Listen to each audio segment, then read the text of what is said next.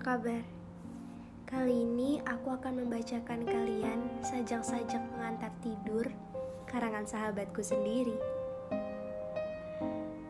Sajak pertama. Sumpah. Sumpah pada nasi goreng babat. Aku rindu. Rindu wajah melengosmu setelah kuajukan pertanyaan sensitif. Kenapa nasi goreng babat? Coba kau bayangkan, jika Tuhan adalah makanan kesukaanmu. Kau bisa terus percaya padanya sekaligus kau bisa mengisi perut. Jadi tidak seperti para Kristiani, terima kasih pada Bapa. Itu menjadi terima kasih pada nasi goreng babat atas segala kenikmatan dan kekenyangannya. Semoga kau bisa selalu hadir dalam piring makanku, karena aku tak akan pernah bosan menghadirkanmu dan juga memakanmu. Kau tahu ini ngawur, tapi aku serius. Aku sangat mencintai nasi goreng babat. Sajak kedua. Ku sebut kau di dalam doa. Saat matahari masih enggan terjaga, saat ia garang membakar luka, saat senja menyapa. Saat gelap mulai tiba, saat malam kian pekat, dan saat sepertiga malam dingin mengerat di dalam raga. Saat itu pula, hadirmu datang dalam dekap, memikul erat beban yang terikat. Ku sebut kau di dalam doa. Sungguh, aku gagal sebelum memulai. Nyatanya takut terluka, membuat mimpi-mimpi hanya sampai di daun jendela. Kau sebut aku pandai bersandiwara, menutup segala ingin yang gaduh di dalam dada. Tapi, apa mau dikata?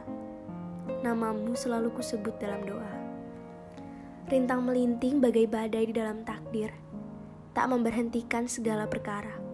Rindu yang tak kunjung usai, membara di dalam belantara koma.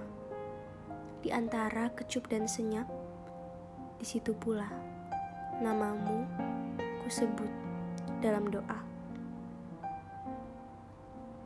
Saja ketiga. Sebuah deklarasi. Ada surat kabar menunggu tangan dan matamu pagi ini. Kau boleh membacanya ketika tidak ada tugas-tugas atau hendak tidur malam. Di dalam surat itu ada seorang perempuan malang. Jantungnya diseret-seret berita kepedihan. Bibirnya digantung di tengah-tengah jalanan harap. Bisu, tak sanggup mengeja kata-kata. Ia selalu dipaksa menerima warta-warta kepedihan dengan gembira Kepalanya retak, dadanya berdarah, kehilangan arah merebah.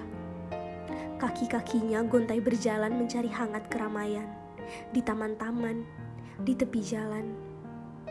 Tetapi yang ia temukan hanya gempa-gempa malapetaka dan gemuruh tangisan orang-orang menyesal dan berteriak. Sebab hidup baginya adalah rentetan penderitaan. Sekarang ia tak bisa melihat apa-apa lagi, kecuali luka nanah di jantungnya dan darah-darah menggenangi sekujur tubuhnya. Terakhir, ia menginginkan kau untuk membaca bagian akhir surat ini. Datang, melihatnya terbujur mati bersama puisi-puisinya dan fotomu. Lalu ia juga memintamu untuk merobek hatinya dan kau saksikan sendiri, namamu memang terpampang tepat di ulu hatinya.